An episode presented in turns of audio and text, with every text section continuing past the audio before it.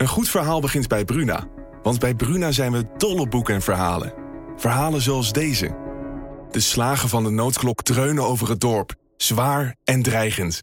Ze overstemmen de gemoedelijke drukte op de markt. En alle handelingen vallen stil. Wat zou er aan de hand zijn? vraagt Oda ongerust. Wil jij weten hoe dit afloopt? Je leest het in Bloedlijn van Simone van der Vlucht. Nu bij Bruna.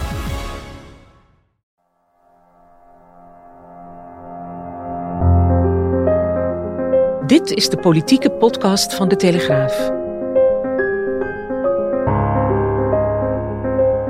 Afhameren met Wouter de Winter en Pim CD.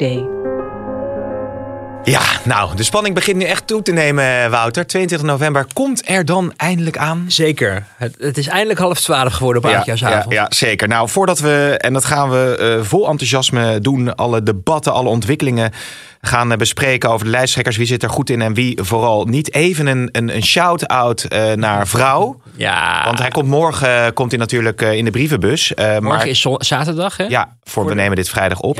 Ja. maar ze zetten, ja, een, ze hebben op de voorpagina een prachtige fotoreportage. Caroline van der Plas en Mona Keizer, die zij hebben zich laten kleden. En uh, ja, dat is wel hoe zeg je dat eigenlijk? dat ja, doe je voor... net alsof dat iets is. ja, maar voor mij is dat... ik schrijf een column in vrouw, maar ik moet daar, dat zit niet helemaal automatisch in mijn systeem. Dames en heren, ze hadden een keer wat, een keer wat aangetrokken. Help en uh, dat moesten we even vastleggen. nou goed, even rustig Pim.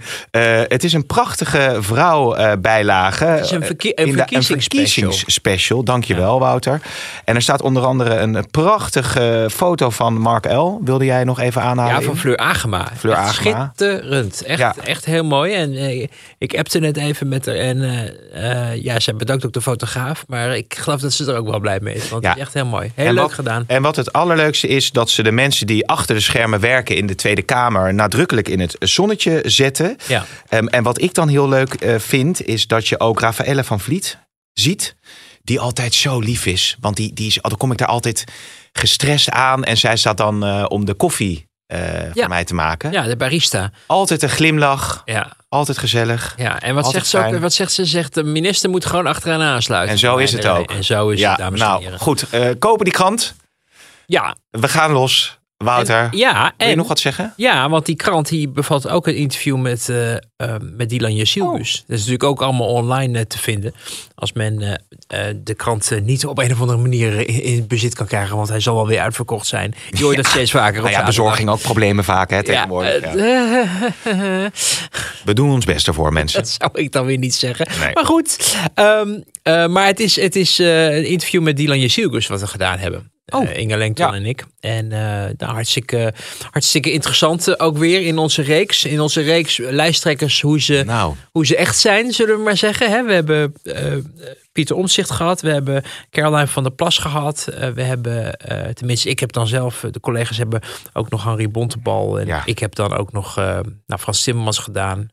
Uh, Dylan Jezilgus, dus morgen in de krant. Ja, maar nou uh, had het interview met Caroline van der Plas een uh, stevige nadronk. Hè? Dat we gingen over dat zij niet echt snel op, op antwoorden kwam. naar Henk, haar tweede man, moest wijzen.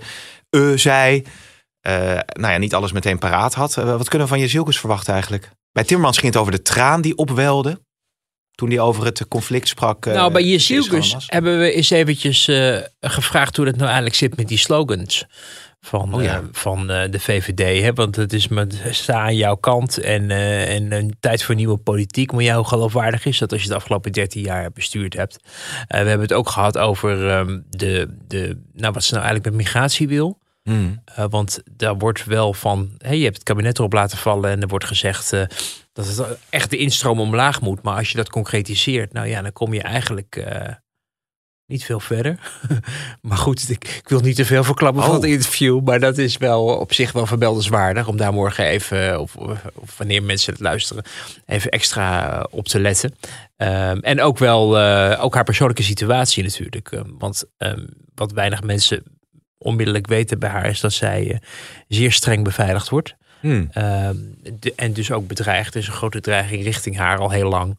Uh, sinds ze minister is. En uh, nou, volgens mij ook wel daarvoor al een beetje. Maar ehm, er wordt veel uh, gepraat over uh, allerlei zaken die, die politici kunnen ja, treffen met betrekking tot de bedreigingen.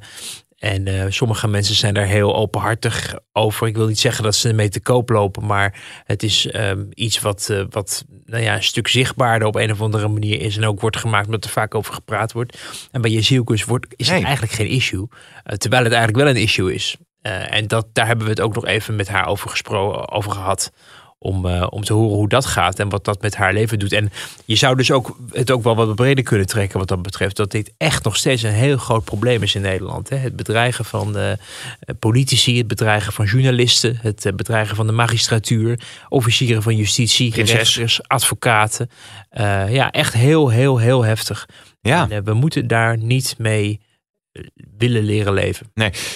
Dat is overigens wel Jezilgus denk ik ter voeten uit. Dat zij bijvoorbeeld over uh, die bedreigingen, die beveiligingen die ze dan heeft, uh, niet naar buiten treedt, heel actief, dan wel in het interview, maar ook over. Ja, het... wij, wij hebben het naar gevraagd. Ja, precies.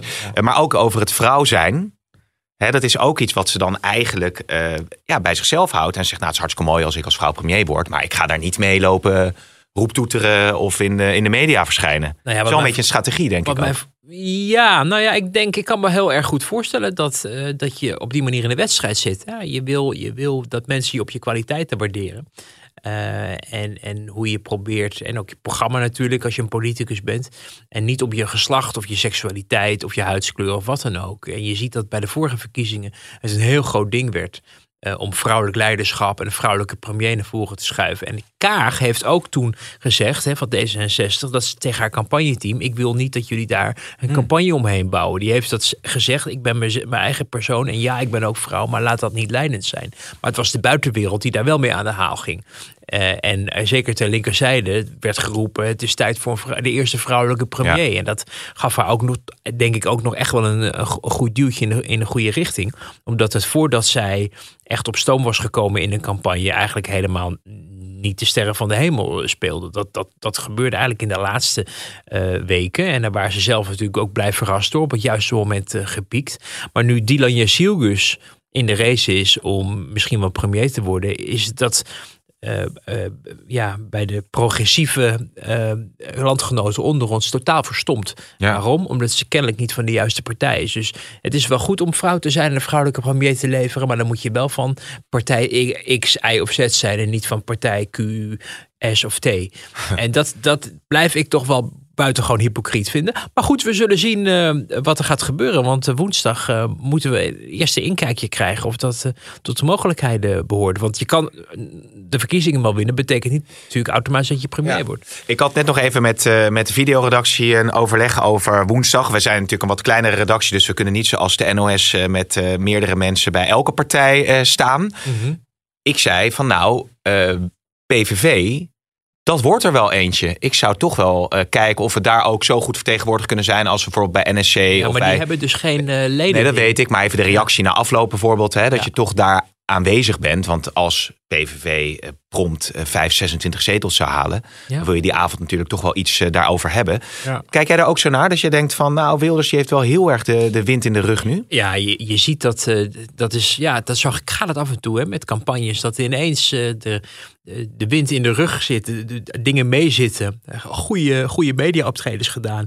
Uh, bij uh, Nieuwsuur ging het goed. Ja. Bij VI vond ik het bijna nog ongemakkelijker dan bij Nieuwsuur. Want je merkte dat Wilders daar uh, toch wel moeite had met het af en toe wat, nou ja, wat, wat volkse karakter van, de, van de uitzending. En de confrontatie met Johan Derksen was spannend natuurlijk over Israël.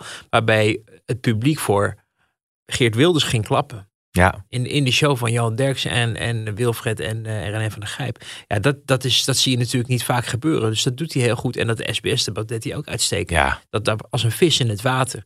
Uh, hij voelde zich kennelijk veilig genoeg om zich allerlei frivoliteiten te permitteren. Zoals even rond de tafel te lopen en Pieter Omtzigt voor het oog van de camera een hand te schudden. Van kijk eens hoe, hoe goed wij vriendjes kunnen zijn. Ja. Waarmee hij eigenlijk Omtzigt veel dichter naar hem toe trok dan Omtzigt eigenlijk wilde. Dus die moest daar later toch weer wat duidelijker afsta afstand van nemen. Het mag wel een onsje minder. Ja, maar overigens wel, wat ook veel zegt, is dat Geert Wilders voor het interview in de Telegraaf uh, heeft bedankt.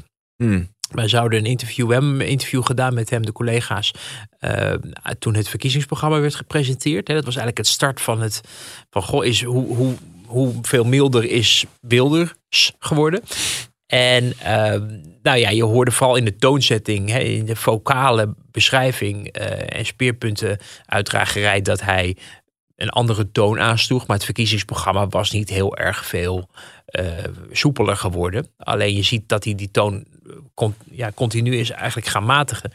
En eh, wij hadden ons voorgenomen om een interview te doen met hem en ook met zijn nummer drie, die mevrouw van de, van de, de poffertjes. eh, Ja. ja. En dat leek ons leuk, omdat we hem dus al hadden gesproken over zijn verkiezingsprogramma. Denken, dan gaan we nu niemand erbij eh, vragen. Nou, dat was eerst een. Eh, was die mevrouw ziek, zo werd gezegd. Oh. En eh, later, eh, toen probeerden we een nieuwe afspraak te maken. En toen werd er gezegd dat er geen tijd meer was. Nou, dat kon ik niet helemaal geloven. Dus mijn vermoeden is dat men dacht dat men er meer bij te verliezen had dan mee te winnen bij de Telegraaflezer. Oftewel dat men dezelfde behandeling zou krijgen als we Caroline van der Plas, Pieter Omzicht, Frans Timmermans en Dylan Jazielkus hebben gegeven. Die allemaal wel durfden. En- Tegenwoordig is het interview met de Telegraaf spannender dan het interview bij Nieuwsuur. Nou ja, misschien eh, dat, dat laat ik aan de, aan de buitenwacht. Maar ik heb wel het idee dat er wat gebeurt in onze interviews. En Ja. Ehm, eh, nou ja, dat is wel op, op zich natuurlijk wel opmerkelijk. Dat eh, Wilders die... eh, ja, toch altijd heel erg leuk vond om in de Telegraaf te staan. daar nu voor bedankt, onder het mom van geen tijd. Ik moet je wel zeggen, we hadden hem hier natuurlijk met de verkiezingskrant. Ja. Toen hebben we wel gewoon alles kunnen vragen. En toen hebben we ook nog even doorgevraagd over hoe, hoeveel milder hij nou zou zijn geworden. En je herinnert je natuurlijk, want ja, wij zaten samen in de studio, dat hij daarbij ook wel, ja, toch wel aangaf dat hij nog steeds dezelfde Wilders is. Dus die analyse had Van Simmons in het SBS-debat volgens mij wel eh, goed gemaakt. Namelijk dat eh, wel voor de bühne nu het allemaal milder lijkt, maar dat hij in feite eh, niet heel erg veel veranderd is. Nee. En, maar wel heel erg graag wil regeren. En dat probeert mogelijk te maken door zich in ieder geval milder te uiten. Maar dat is nog iets anders dat je dan ook bent. En dat je juist anders gaat gedragen na 22 november dan Ja, gewend zijn. Zometeen nog even de analyse van wat dat dan inderdaad gaat betekenen voor eventuele coalitieonderhandelingen. Maar als we het over dat eh, debat hebben, nou, nou, nou zeg. Hey, pff. Ik, ja, het is, was, Je bent er nog van aan het Nou, uit- weet je, uitpuffen. Wouter, ik had, ik had dus eerst ehm eh 112 eh, vandaag, want dat moest ik 112 presenteren. CD, ja, Toen ben ik ja. dus in, heb ik dus in de auto eh, eventjes wel, wel netjes, hè, dus de audio van het nieuwsuur-interview. Dus dan heb je al Timmermans eigenlijk al Ja. beluisterd. Ja. En thuis nog het, het, het SBS-debat kunnen zien. Ja, maar dat, dat was wat zeg. De, de, dat was toch wel een beetje een cacophonie. En er werd eh, on- onderbroken. En ik vond vooral ook de houding van Jezilgus tegenover Timmermans ook alweer interessant. Want die zat eigenlijk een beetje zo... pff, beetje te zeggen van nou, eh, kom op, als, eh, als u aan het... hè, aan de macht komt, nou dan moet ik het nog maar zien met alle belastingen en weet ik veel wat allemaal. Mhm. En ondertussen dat publiek erbij, met, die, met, die, met het eigen risico. Ja, ik, ik vond het allemaal wel. Ik heb heel veel om te verwerken. Welk, welk gevoel. ja, nou ja, om, om eventjes, kijk, die vrouw die in het publiek zat en die zei: ja, kan dat eigen risico niet, eh, niet op, eh, ophoesten. En dat is allemaal heel rot. En toen wilde Timmermans er eigenlijk dan, dan antwoord op geven. En die zei: ja, dat kan allemaal niet in één jaar. Nou, toen pakte Wilders hem weer terug. Door te zeggen: nou, bij mij kan het misschien wel in een jaar. En u zit ondertussen met dat wachtgeld. ja. Toen dacht ik nog. Van nou, dat wachtgeld, dat heb jij volgens mij ook, ik weet niet of dat in de podcast was, maar dat is nog iets wat nog terug kan keren. Juist. En- Juist. Prompt was hij daar. Ja. Nou ja, er gebeurde in dat fragment gebeurde even heel veel. Ik vind Ja. sowieso, vond ik, ik vond het debat, het was af en toe rommelig en door elkaar heen praten. En dan, dan, dan kon je er, eh, kan je er geen wijsheid worden. Hè. Ik, ik had ook ergens gezegd van, ik voelde vooral mee met degene die moest ondertitelen. Want je moest, echt, je moest echt verschillende geluidspaden eh, onderscheiden van elkaar om nog te horen en terugluisteren wie wat, wat precies eh, door elkaar heen riep. Eh, maar het was wel, eh, ja, het was misschien een beetje op zijn SBS, maar het is heel goed bekeken op het 1,4 hoogtepunt. miljoen. Ja, en op het hoogtepunt zelfs 1,5. Eh, Nou ja, kom er maar eens op. eh, dus ik snap ook wel dat lijsttrekkers daaraan meedoen. Want er kijken gewoon heel veel mensen naar, net als naar VI. En dat is een deel van Nederland wat nog best misschien kan bewegen. Het zijn niet de mensen die eh, automatisch getrouwd zijn met PvdA GroenLinks... of automatisch getrouwd zijn met eh, de VVD of met NSC. Want NSC heeft ook nog steeds de kans dat ze kiezers kwijtraken. Omdat mensen dachten, laten we eens wat nieuws proberen. We gaan voor Pieter Omtzigt. Maar hey, kijk eens hoe, hoe, hoe stevig Wilders nog blijkt te bestaan. En moeten we dan niet weer terug toch terugkeren naar Geert Wilders. Weet je, dat soort dingen kunnen allemaal gebeuren. Of wegblijven van BBB, van Caroline van der Plas. Want die ziet natuurlijk ook wel dat ze uh, af en toe ja, correlerende, hoe noem je dat? Uh, correlerende vaten? Nee. Oh, ja, communicerende vaten. Communicerende vaten. Oeh. Goed, niet eens Engels, ja. de toren van de luisteraar oplopen. Um, maar um, dus Um, er, viel, er viel ook echt wel wat te halen. Maar wat ik uh, interessant vond, is dat het uh, toch ook weer anders was dan de andere debatten en confrontaties die we hebben gezien. En dat vind ik van deze campagne zo mooi. Dat er, uh, er is ook echt wel heel erg veel over de inhoud gepraat. in allerlei verschillende media. In, in kranteninterviews, in, in interviews op sites, radio, podcast, nou, televisie, noem maar op. en dat geeft een heel mooi interessant palet weer van waar, ja, waar, waar partijen nou voor staan. En ook de kleinere partijen, zo'n partij als het CDA, ja, ik zeg het toch maar, maar het is een kleinere partij geworden, heeft ontzettend veel media-aandacht uh, weten te krijgen. Het, het, het, lijkt niet heel erg veel uit te maken in de uiteindelijke verkiezingsuitslag. Uh, maar je ziet wel dat, dat nou, er is, het is niet zo dat, dat er geen kans was om je om, om de inhoud van de campagne tot je te nemen. Uh, en, en ik vond het leuk van het SBS-debat, is dat, er, dat de handschoenen ook wat meer uitgingen. Want het, op een gegeven moment wordt het wel heel erg van, goh, bent u het met me eens dat? En we willen ook af en toe, denk ik, als kiezer verschillen zien. En ook wel zien van wie is nou, wie is bereid om voor mij te vechten als kiezer. Hè? En, en wie heeft misschien ook wat beschaving af en toe. En wie vertegenwoordigt, welke, welke lijsttrekker lijkt een beetje op mijzelf. Of wie zou ik graag namens mij willen laten vechten voor mijn, voor mijn mhm. wensen, voor mijn belangen. En uh, nou ja, dat leverde af en toe ook wat ongemakkelijke momenten op. Waaronder dus dat mevrouw, het incident met de, de, mevrouw die over het eigen risico zei. En die zich beklaagde over de armoede. En het bijzondere daarvan is dat Frans Timmermans eigenlijk de schuld van kreeg. Maar zijn partij was de afgelopen zes jaar niet aan de macht. Dus, dus dat hij daar ja, de, als boksbal fungeerde, was natuurlijk eigenlijk, uh, zoals we dat hier in onze podcast noemen, crazy. Ja. Maar dat gebeurde wel. En hij wist daar, hij ging daar dus heel beschaafd mee om. Wat ik op zich ook wel weer, wel weer fijn vond dat er nog iemand is die van mevrouw, ik, ik kan het u niet beloven. Ik, ja. ik kan dat voor de, voor de langere termijn, we gaan het over vier jaar doen. Maar hij had natuurlijk ook kunnen zeggen, mevrouw, ik ben het helemaal met u eens. En kijk eens, daar staat Dylan Jezilgus en die heeft het zover laten komen. En als, en als wij het voor het zeggen krijgen, gaan we dat zo snel mogelijk doen. Maar hij, hij, hij incasseerde en hij incasseerde, waardoor hij de probleemeigenaar werd van het armoedeprobleem. Nou, bravo dat je dat voor elkaar krijgt na, na 13 jaar VVD-beleid. Maar goed, het is allemaal gebeurd gisteren. En vervolgens Geert Wilders die eroverheen rijdt. Ja. Want die denkt, nu pak ik hem. Want ja, hij heeft dat, dat, dat, wachtgeld van, 15, ja. van 15k... wat hij dan opstrijkt via de Europese Commissie. Wat niet had gehoeven. Hè, hij kan die drie maanden misschien wel voor zijn spaargeld overbruggen. Of laat, hem de, laat PvdA GroenLinks hem een beetje betalen... Uh, voor, voor, uh, voor de hypotheeklasten. Uh, maar goed, daar heeft hij niet van afgezien. Achteraf had hij daar denk ik wel spijt van. Maar toen was het te laat, toen kon het niet meer. En het lag heel erg lang op de plank. Maar het was nu het, ja, op de plank van Wilders. Uh, in de knapzak had hij het meegenomen. En hij haalde het eruit op het moment dat hij dacht: nou, pak ik je. En, en dan kan je zeggen wat onfatsoenlijk en wat onredelijk. En wat oude koeien weer met dat wachtgeld hebben we al gehad. Maar dit is waarom Wilders uh, zo'n uitstekende debater is. Omdat hij, dat hij gewoon heel erg goed weet waar de zwaktes zijn van zijn uh, opponenten. En uiteindelijk bleek het ook nog steeds een heel moeilijk uit te leggen verhaal. Voor als je inderdaad voor die onderkant wil opkomen. Voor de minder vermogenden in, in Nederland. En je, je staat iemand te zeggen. Ja, inderdaad, over vier jaar gaan we die armoede wel weer hebben verholpen of zo. Of aangepakt. Terwijl je zelf een, een, een toelage krijgt omdat je geen baan meer hebt, die zoveel meer hoger ligt dan je kiezers eigenlijk zouden ontvangen op het moment dat zij uh, uh, geen baan meer hebben. Dus het was, dat deed Wilders gewoon heel slim, maar dat was voor uh, Timmermans een pijnlijk moment. Ja, maar Wilders sowieso wel slim, want je had het net even over die handdruk met omzicht, waarmee hij dus eigenlijk om zich probeert afstand te creëren tot uh, de PVV. En door die, die handdruk was natuurlijk best wel een, een, een symbolisch moment eigenlijk. hè? Omdat je al kan inschatten dat er toch een moment zou kunnen komen na de uitslag waarin ze wel zich tot elkaar moeten gaan ja, verhouden. Ik heb daar nog steeds een hard hoofd in. Ik uh, geloof niet dat dit gaat gebeuren. gewoon op basis van wat ik de afgelopen jaren heb gezien in Den Haag en hoe men zich tot Wilders verhield. Eh, maar ook wat je, het sentiment in de verschillende achterbannen moet je ook niet eh, onderschatten.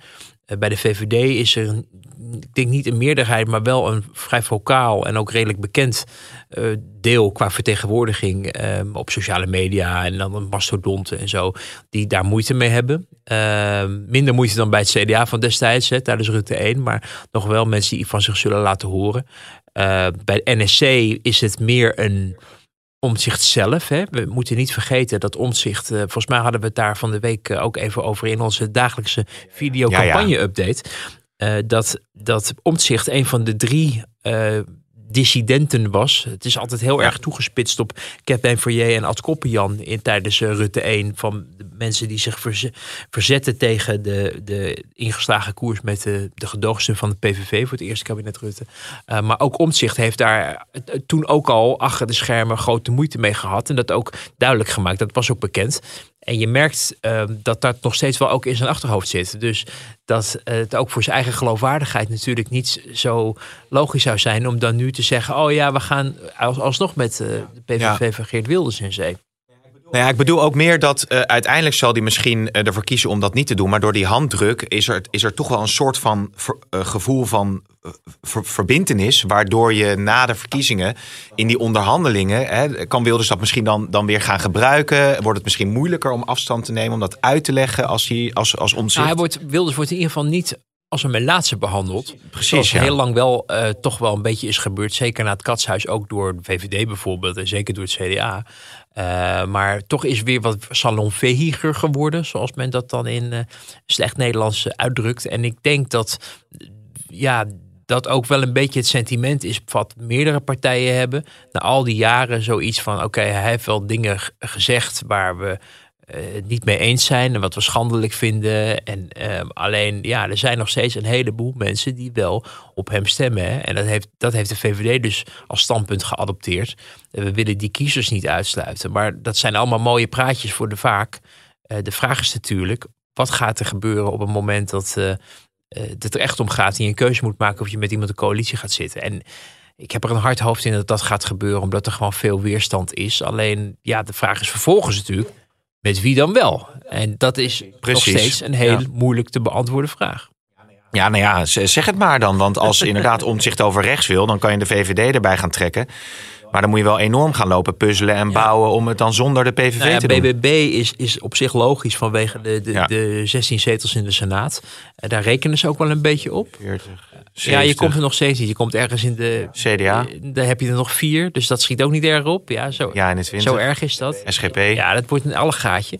Eh de meest logische combinatie vooralsnog lijkt mij, op basis van zetelaantallen, eh, de combinatie die we in Afhameren volgens mij al maanden geleden hebben geroepen. Of weken. Nou hoorde je het als het, voelde als maanden, maar het waren waarschijnlijk weken. En dat Ja. is eh, eh, NSC, VVD en PvdA GroenLinks. Dan heb je, met drie, heb je een drie partijen kabinet met een meerderheid in de Tweede Kamer. Ehm, volgens mij, nou, je moet dan, zal iets met BBB moeten beginnen, denk ik. eh, wil je ook in de Senaat voldoende binnenhalen. Maar goed, dat lukt met NSC aan boord, denk ik, een stuk makkelijker dan zonder NSC. Want Omtzigt en Caroline van der Plas hebben een, ook wel tegen elkaar uitgesproken dat, er, dat ze met elkaar moeten gaan praten. Dat heeft Caroline van der Plas in ons interview Ja. verteld toen wij eh, ze hier te gast hadden voor de verkiezingskrant. Ehm, dus dat is op zich getalsmatig een logische combinatie. Alleen, het is Frans Timmermans die heeft geroepen: ik wil de VVD uit de regering. Ehm, dat leek me toen al wat onverstandig, omdat je elke keer maar weer blijft refereren aan je kennelijk eh, trauma van het tweede kabinet Rutte, wat ze, waar ze maar niet mee om kunnen gaan, omdat ze zelf hebben ingestemd met allerlei dingen. VVD trouwens ook in, in, om hun tegemoet te komen, maar het is altijd aan de PvdA blijven kleven. En eh, daar elke keer, bij elke verkiezing, de afge- afgelopen verkiezingen, wordt er weer aan gerefereerd van, oh, dat hadden we allemaal niet moeten doen. En hebben we spijt van en daarom niet nog een keer met de VVD. Eh, alleen als je straks in een situatie komt dat je weer aan de kant gaat staan, omdat jij niet met de VVD wil. En de VVD is misschien de grootste, misschien de één na grootste, of de op twee na grootste, maar in ieder geval een, een force waar je niet omheen kan. Ja, wat, wat, dan moet je je kiezers dus weer teleur gaan stellen. En Ja. moet je ze weer gaan vertellen van ja, maar in het balansbelang, net als eigenlijk eh, Samson deed. Toen hij in twee- 2012 met Rutte in zee ging nadat ze elkaar eerste maat hadden genomen van links en rechts. Dus, dus daar, ja, ik heb dat nooit helemaal precies begreep. Ik had altijd toch wel, maar misschien is dat een beetje naïef gedacht. Als je een nieuwe politieke beweging start met z'n tweeën, dan moet daar zoveel nieuwe energie en nieuw elan uit voortkomen. Dat je niet bij voorbaat al gaat zeggen: oh nee, niet met die en niet met die. Omdat je zou denken dat, dat mensen een alternatief zoeken voor het soepie wat er al zit. Nou, dat hebben we ook al vaker besproken. En dat is tot nu toe zien we in peilingen gewoon uitgebleven bij PvdA GroenLinks.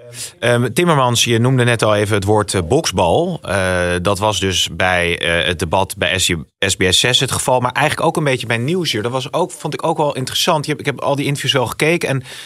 het lukte niet altijd vanuit Marielle Tweebeek of Jeroen Mollaars om echt de, de lijsttrekker in het nauw te brengen. En nu zette Marielle Tweebeek eigenlijk in op het element van, nou, je hebt twee partijen samengevoegd die eigenlijk over hele wezenlijke standpunten totaal anders denken. En dat was wel lastig voor Timmermans om zich daartoe te verhouden. Het ging bijvoorbeeld over al dan niet een hoofddoekje bij de politie. Mhm. En die partijen staan er gewoon heel erg anders in. Het gaat natuurlijk ook over de oorlog uh, tussen Israël en Hamas. De achterban van GroenLinks. Uh, daar zitten mensen bij die de Palestijnse zijde heel erg steunen. En je hebt natuurlijk een, een, een Joodse traditie ook bij de P van de A. Hij kwam daar allemaal wel goed uit. Maar het is, het, het is wel toch een lastig verhaal. Nou, ik vond dat hoofddoekje, vond ik, uh, ik vond dit, ik ben het met je eens, niet, niet alle gesprekken gaan even lekker uh, dit keer, zoals we dat de vorige keer hebben gezien. Is ook moeilijk hè, om, je, om, je, om, om op dat niveau te blijven functioneren. Als mensen hebben gezien hoe het de vorige keer ging, kunnen ook lijsttrekkers zich daarop aanpassen. Je zag het ook bij Rob Jetten gebeuren, die in de aanval ging. Uh, van hoe durven jullie een oud medewerker uh, te vragen uh, over, over, te hebben? Want die kunnen zich niet verdedigen. Het zijn allemaal jonge mensen. Jonge mensen ja, hoeven ging... immers geen principes te hebben, zoals je weet. Nee, het ging daar over het overstappen vanuit de, de politiek naar bijvoorbeeld partijen als Shell. Als je dan voor D60 actief bent geweest en voor het klimaatverandering. Ja, de, de politieke assistent van Alexander Pechtold was dat en later van, van ja. Rob Jetten. Uh, en daar werd als een verdediging zien, ja, ze zit niet, hier niet aan tafel. Dat klopt, alleen uh, het gaat om wel mensen de maat nemen op het moment dat je voor een politieke partij werkzaam bent. En op een gegeven moment dat je voor het grote geld kan gaan. Bij een grote multinational, oliebedrijf, of het nou Shell is, of een of ander Saoedisch bedrijf, wat kennelijk ook al graag oud D66'ers of huidige D66'ers aan het aannemen is. Ja, dan is het wel heel hypocriet om dan wel van mensen in het land te verwachten dat zij. Ja, hun leven roomse dan de paus gaan leven. Terwijl je zelf gewoon de, de zakken vult of de, de carrièreambities grijpt. Die je iedereen gunt. Alleen doe dat dan niet met die opgeheven vinger naar de rest van Nederland. En Jette die dacht, ik moet in de verdediging. En ik ga. En die deed alsof het, nou, alsof het toch weer stagiairs waren om wie het ging. Maar het ging echt om echt toch wel vrij belangrijke mensen die ook de, de, de assistenten waren van de partijleiding. Dus dat, ik vind dat ook, ik, dat was dus een reactie daarop. En dan zie je dus dat politieke partijen zich hebben voorbereid op, oké, op het moment dat er een vraag komt die ik niet leuk vind, dan ga ik gewoon ruzie maken. En je zag dat daar ook weer werd op geanticipeerd door bijvoorbeeld Caroline van der Plas, of eigenlijk door Jeroen Wollaars, die al in de vraagstelling van Caroline van der Plas zei: ja. van oh, maar ik ga u vragen. En ja. dat is echt helemaal niet om u te kakken te zetten. Nee. Dat je dacht van oh, wat een, ra wat een rare aankondiging. Ja, ja hij, hij, dacht van anders krijg ik weer dat vingertje van Van der Plas. Wat wij hier ook natuurlijk in de studio Zeker. een beetje, een beetje Zeker. En gisteravond bij Bo ook weer, toen, toen ik zei van goh, moeten moet, wilden ze iets terugnemen of ergens excuses voor aanbieden. En dat ze gelijk, dat ze liever daar niet over wilden hebben, maar gelijk eroverheen ging van de excuuscultuur, daar moeten we vanaf. Ik denk ja, maar nu even antwoord geven op de vraag. Nou ja, dus, dus men weet zich enigszins voorbereid daarop. Alleen het mooie was bij wat ik vond bij Frans Timmermans het interview wel goed gelukt was, is dat er inderdaad dus een, een, een ijzersterke mevrouw zat in, in, als, als kiezer die dan over ja. dat hoofddoekje begon bij de politie. En dat beging hij dan. Er zijn meer mensen, niet alleen bij GroenLinks, maar ook bij de PvdA, die dat een goed idee vinden. Uh, en, en al is het maar voor de representativiteit, hè, dat dat eerlijke afspiegeling is ook van de bevolking en dat soort zaken. Uh, en dat je ook een, een, een, een uh, personeelstekort hebt. Maar goed, een uniform is een uniform als je het bijvraagt. Maar goed, dat is mijn persoonlijke mening. Maar het mooie was dat aan het einde van het gesprek... Marjelle Tweebeke nog wel even zei... Oh ja, en we hebben trouwens ook even uh, onderzoek gedaan... Naar, ja. uh, naar of uw achterban het met u eens is... wat u hier net heeft lopen vertellen. En dat bleek niet het geval. Ja. Want, ja. want, de helft van de kiezers zei... Uh, we, we, het, het, moet neutraal zijn. Er moet geen hoofddoekje of keppeltje... alsof iemand een keppeltje gedragen. Nee, het gaat om die hoofddoekjes natuurlijk. En een kwart maar was het eens met, met, met Frans Simmers... en een ander kwart wist het niet. Ja. Dus, dus dat, vond ik, dat vond ik dan wel weer heel prachtig. Getrapt. Om Slim getrapt ja, gedaan. in, in beeld te brengen op die manier. Ja, nou ja, goed. Timmermans, eh, ja, die heeft zich dus de hele tijd in de verdediging eh, gezien. Ehm, uiteindelijk is natuurlijk wel een beetje de vraag van. Als het, hij heeft zich ook zo gepositioneerd. Hè. Hij heeft ook gezegd: ik ga Wilders. eh, Nou, hij heeft heel erg bewust voor gekozen. Hè. De, de, de Vos verliest zijn, eh, zijn haren, maar niet zijn streken.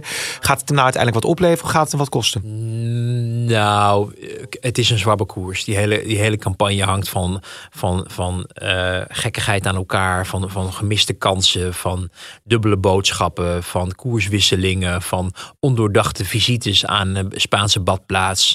Eh, Benidorm. ja, dat, zo, grap, dat, zo grapten ze erover in het kabinet, maar eh, het was Malaga. Eh, Ja. en, eh, en dat wordt dan weer met de mantel der liefde wordt dat bedekt van ja, het was een hartstikke goed eh, plan. We staan er nog steeds achter, terwijl je er dus geen enkele rugbaarheid aan gegeven ziet op hun eigen sociale mediakanalen. Waardoor je dus weet dat ze het liever niet zelf in de publiciteit wilden brengen, omdat ze weten dat het gewoon niet goed is geweest. Nou ja. Eh, alle, maar je ziet dat, ja, dat, en dan komt er nog eens bij al de, de, de events, zo'n zo'n eh, groot eh, militair eh, of terroristisch conflict zou je bijna zeggen. Want Hamas is daar toch echt mee begonnen in Israël. Ehm, de, ja, dat, dat, dat heeft ook die campagne weer beïnvloed. En dat, dat bracht het, het wagentje een beetje aan het wankelen. Omdat Timmermans geneigd is om inderdaad volkenrechtelijk... en zeker nadat die, die, eh, die, eh, die eh, terroristische aanslagen was gepleegd... onmiddellijk ja, dan in de mode schiet van... dat moet, daar moeten we afstand van nemen.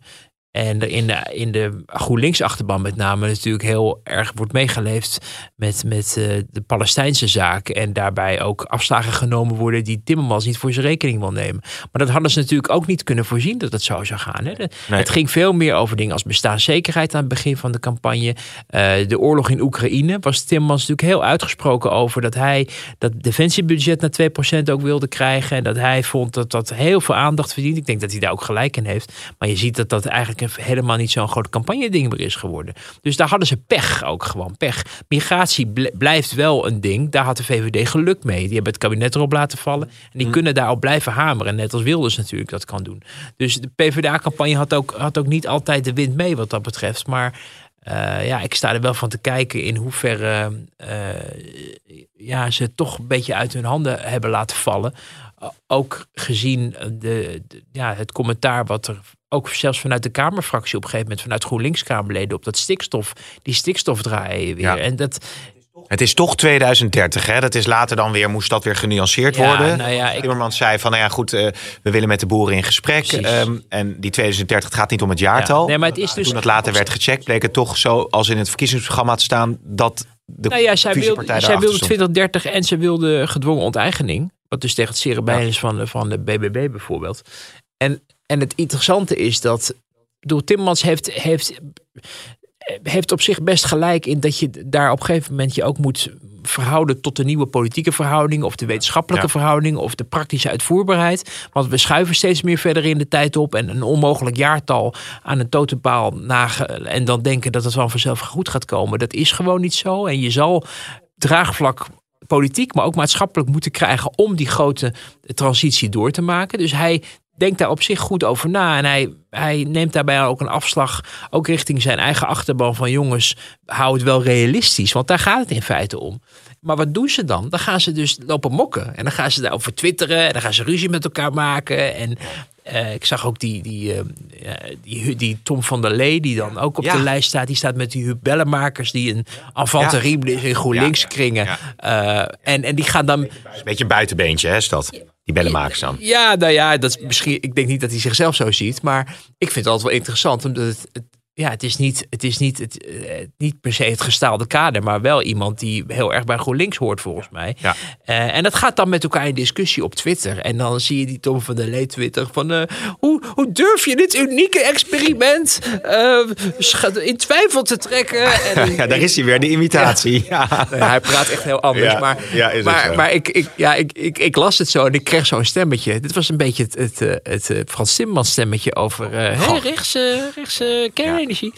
Maar nee, maar, dat, dat, dat, maar dan, dan weet je dus dat het, dat gewoon gedoe is. Zelfs als mensen op Kamerlidniveau met elkaar, eh, elkaar de maat gaan nemen en, eh, en eh, gaan twitteren en boos gaan lopen zijn. Dus je ziet gewoon dat dat heel lastig is. Het is natuurlijk ook moeilijk met. Het is ook lastig, hè? Want, want ehm, eh, aan het begin werd ook echt heel nadrukkelijk gezegd... in Telegraaf stonden er ook al wel verhalen over... dat het toch een beetje rommelde. Maar naar buiten kon echt wel worden gezegd van... Nou, het, het gaat hartstikke goed met die fusie. Ik was toen nog bij die, bij die presentatie... Dat, dat een grote meerderheid uiteindelijk eh, steun uitsprak voor de fusie. En toen was Jesse Klaver natuurlijk euforisch. Artje Kuiken was euforisch. Maar je ontkomt er natuurlijk ook gewoon niet aan... dat het DNA van partijen ook gewoon anders is. En volgens mij merk je ook een beetje dat Timmermans dus soms... zijn eigen visie Ja. Ehm, gaat eh, ja, verwoorden. Terwijl er met nog, misschien nog niet helemaal uitgedacht is. Hè, over die vleestaks ja, bijvoorbeeld. Nou ja, maar je moet een lijsttrekker ook wel enige ruimte geven, denk ik. Ja. En, en, en, en niet hem dan vervolgens de maat gaan nemen. Want dat is, dan ben je hem eigenlijk een beetje aan, het, aan zijn stoelpoot aan het zagen. Ja. En Timmermans is ook wel iemand die eh, daar soms ook wel ja, in de emotie ook wat snelle stappen neemt. Hè? Hij zei in het interview, wat, wat de collega Inge Lengton en ik met hem hadden en wat eh, woensdag eh, werd gepubliceerd, van ja, ik, ehm, dit is wie ik ben, take it or leave it. Ja. Eh, dat is, dat, dit is inderdaad wie hij is. Hij wil ook die ruimte. Hij zegt dat iedereen staat bij ons achter de lijsttrekker. Nou, we zien dat dat met enige regelmaat niet gebeurt. Maar hij probeert om, ja, ik wil misschien bijna Hugo de Jonge-achtig. eh, maar, maar gewoon een soort fait accompli af en toe te creëren. Ja. ook, of leiderschap te tonen, zo zou je het misschien ook kunnen noemen. Alleen daarbij ook eh, te grote stappen te nemen. Of, of paden in te slaan die achteraf niet helemaal waar bleken. Of die te emo- emotioneel zijn geuit. Om maar eh, ja, een Ja. onderwerp af te sluiten of wat dan ook. Dus ja, daar, daar vergalopeert hij zichzelf af en toe gewoon een beetje. En Ja. iemand appte mij die ook met hem gewerkt heeft eh, eh, in het kabinet. als ik het goed heb. Ja. En misschien niet al te veel zeggen, want dan gaan mensen het, eh, gaan terugtreden. Maar die zei ook van ja, de, eh, het, het, grote, het grote obstakel voor Frans Timmermans is Frans Timmermans. ja. Cryptisch. Ja, Nee, ik snap het. Mooi, het is hè? duidelijk. Ik moest eh, vanochtend onderweg hierheen ineens aan Mark Rutte denken. Want bij dat SBS-debat, waar het dus toch een beetje ja, gesneerd en gesnauwd werd. Rutte die had zich daar als een vis in het water gevoeld. En die had zo een beetje Wilders op, hè, een beetje ge- gemasseerd. En die, had dat, die, die was daar heel goed in, laat ik het zo zeggen. En die zette dan prompt Hoekstra ook nog een beetje in de schaduw. Dus die kwam vaak heel goed uit dat soort eh, debatten. Terwijl het nu meer eh, ja, ieder voor zich was en, en, en echt, een, echt een gevecht was. Er was niemand die zich echt als staatsman kon, kon profileren. Ja ook, maar ik weet ook niet of Rutte zich altijd hij zich in daar debatten beter- als staatsman profileerde. Maar ook als gewoon iemand die heel goed kon debatteren. Heel ontspannen. Ja, en ook in de overtreffende trap. Hè? De, niet in de eerste leugen gestikt, weten we sinds Emil Roemer. Uh, Maar ook wel, uh, ik zit ook wel even te denken van hoe ging dat in 2010?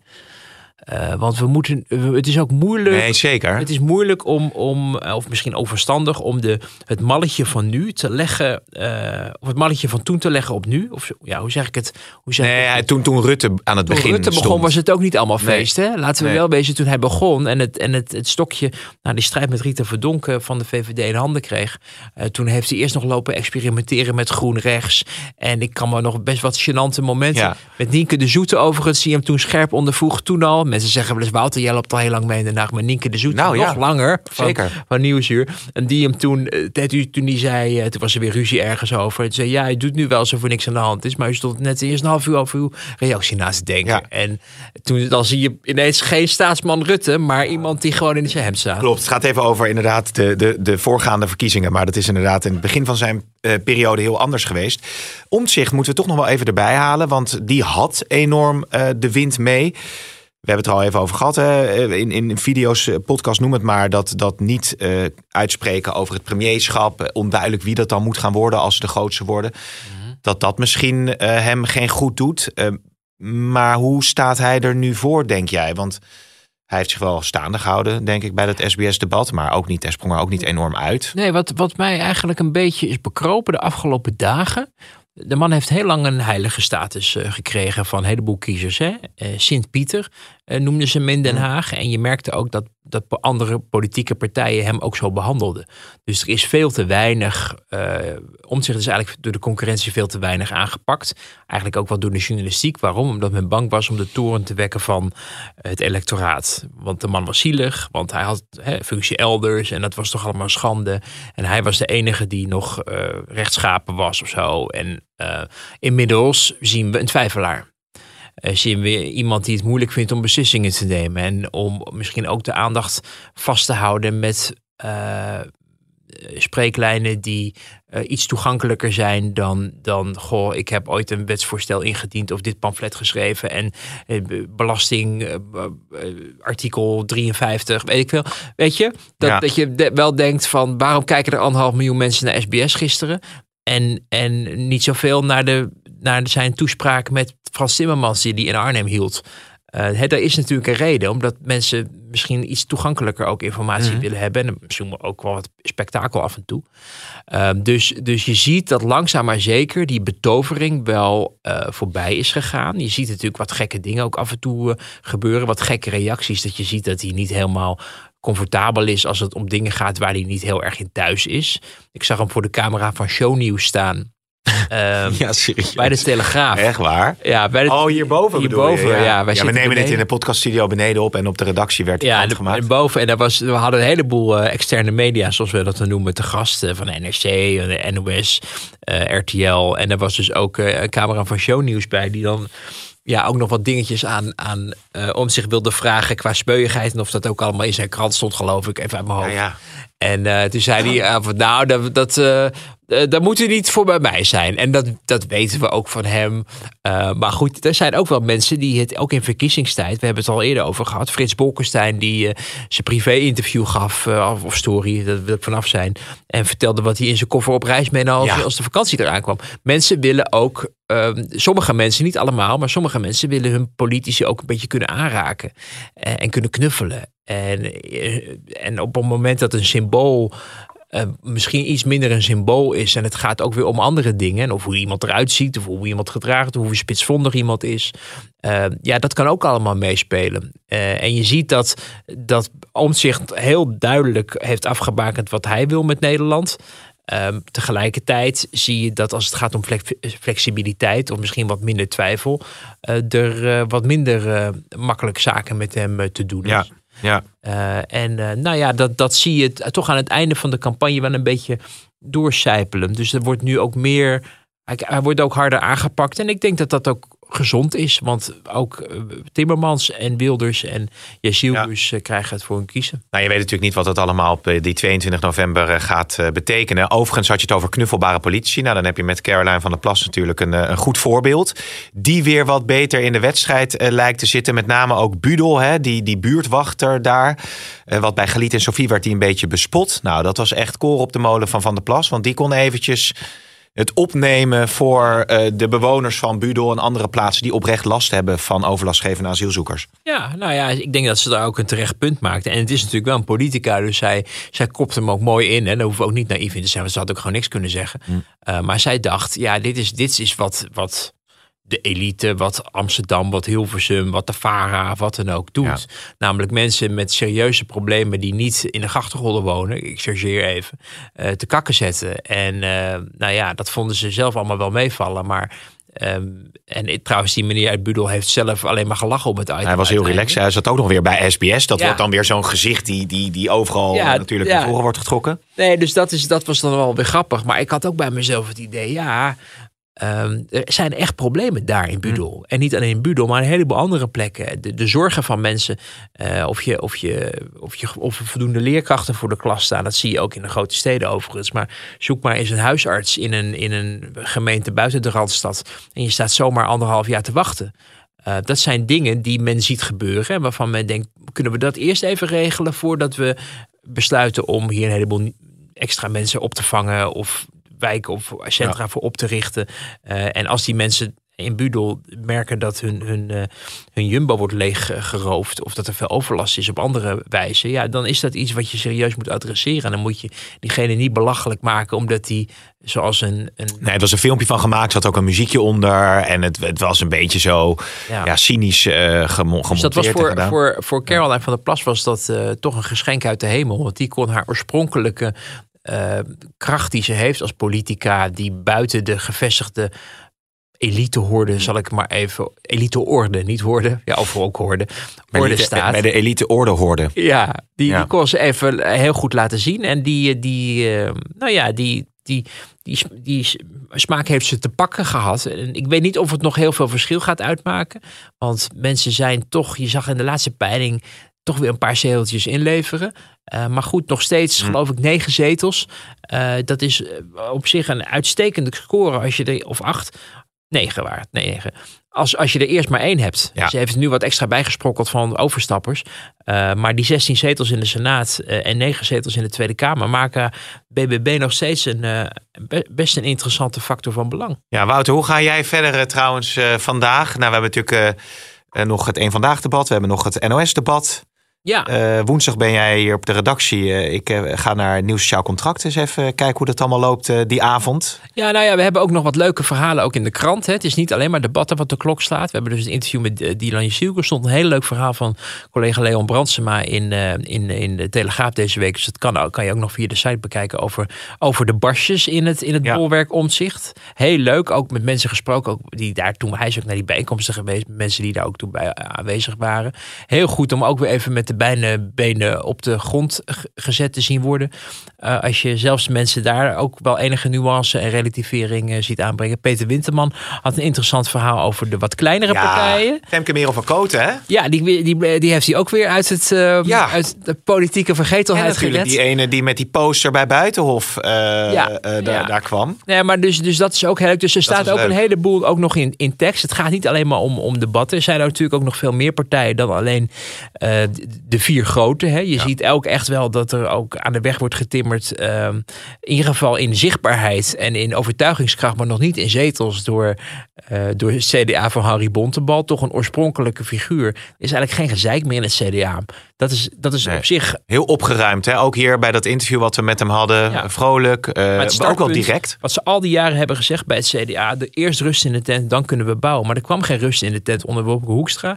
Nu lijkt hij terug met Harry Bontebal. En dat wordt het startpunt om op te bouwen. Zij hopen ook, hè, als het niet goed gaat met, met deze uitslag, met coalitievorming of wat dan ook, of kabinet, dat het dan weer een beetje bijna natuurlijk verloop van NSC naar CDA zal terugkeren. Nou, dat hmm. sluit ik ook helemaal niet uit. Je ziet Rob Jetten uh, zijn best doen. Nou, volgens mij goede campagne. We hebben het al vaker uh, hierover gehad. Op zich goede campagne voeren. Alleen mensen zijn gewoon klaar met het D66 geluid. Ja. Uh, dus dat moet bijgeschuurd worden. En nou, we hebben hem daar zelf over gesproken in het interview wat we hadden met de video uh, bij de verkiezingskrant. Ook allemaal nog op YouTube overigens uh, te zien, waar elke dag weer nieuw ja, interview Ja, we zijn heel erg reclame aan het maken, maar het is, er is echt, heel, echt gewoon veel moois en interessants gemaakt. Dus ik, ik wijs er deze, deze week even extra op. maar daarin ja, gaf hij ook wel toe dat het, dat, dat gedram, dat dat ook maar eens voorbij moest zijn. Dus ja, er wordt ook wel wat, wat, wat conclusies getrokken. Alleen het, ja, eerst maar eens weer even een beetje wonderlijk in de, misschien in de oppositie. Maar hoewel ik niet eens kan uitsluiten dat ze niet weer gaan regeren met nee. bijvoorbeeld vuilbrief als vicepremier of zo. We gaan het zien, uh, Wouter. Uh, vandaag nog druk door. Is het volgende? Ja, het, gaat, het houdt niet op, hè? Want we hebben allemaal eh, verplichtingen, maar we gaan bijvoorbeeld ook op het moment dat we dan thuis zijn en we hebben dingen gemist, we, ja. pluralis majestatis, jij en ik zeg ik dan maar, gaan we dus ook al die andere uitzendingen steeds terugkijken en die stukken lezen in die kranten. Het is, het is heerlijk. Het is ook, ook gewoon leuk om te doen. Dus het maakt het niet uit. Behalve als een debat echt heel lang duurt en maar niet op gang komt. En RTL natuurlijk debatten die laat op de avond eigenlijk pas... die waren echt pas om middernacht klaar naar mijn gevoel.